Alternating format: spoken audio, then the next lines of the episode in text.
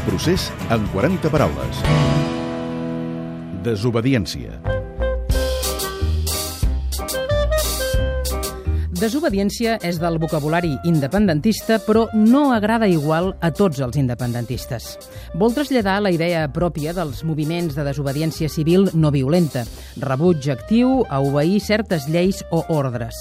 La CUP crida obertament a la desobediència de lleis espanyoles injustes amb l'afegit del no tenim por però el PDeCAT i Esquerra miren d'estovar el concepte i sempre parlen no pas de desobeir, sinó d'obeir el mandat democràtic del 27S, és a dir, actuar seguint les directrius d'una majoria absoluta parlamentària que vol la independència.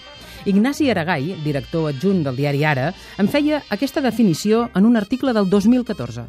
Desobediència. Paraula tabú entre els dretadecidistes d'ordre que no tenen pressa per decidir i paraula talismà entre els independentistes de tota la vida que tenen pressa, però que fins ara han estat obedients i no l'han fet servir per no esvalutar el galliner. La desobediència s'ha fet famosa en versió metàfora, la que va citar en un ple municipal de Vic el regidor de la CUP, Joan Coma. Per fer la truita primer cal trencar els ous. El van portar a declarar a l'Audiència Nacional acusat d'incitar a la sedició, tot i que el cas es va acabar arxivant. Escolteu el fiscal. En su intervención usted llamó a perfer la truita San de trencar el sous.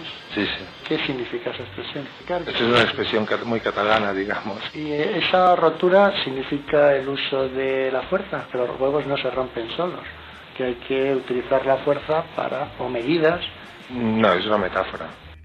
I l'independentisme va buscar fins que va trobar una Soraya Sáenz de Santa Maria de l'any 2013 citant la mateixa sospitosa metàfora. Yo pido a todos, especialmente al Partido Socialista y un esfuerzo de, de generosidad y de entendimiento, porque hay que cambiar las cosas. Y si me permite la expresión un poco de andar por casa, para hacer una tortilla hay que romper huevos. Y claro que tendremos que cambiar cosas en la ley de administración local.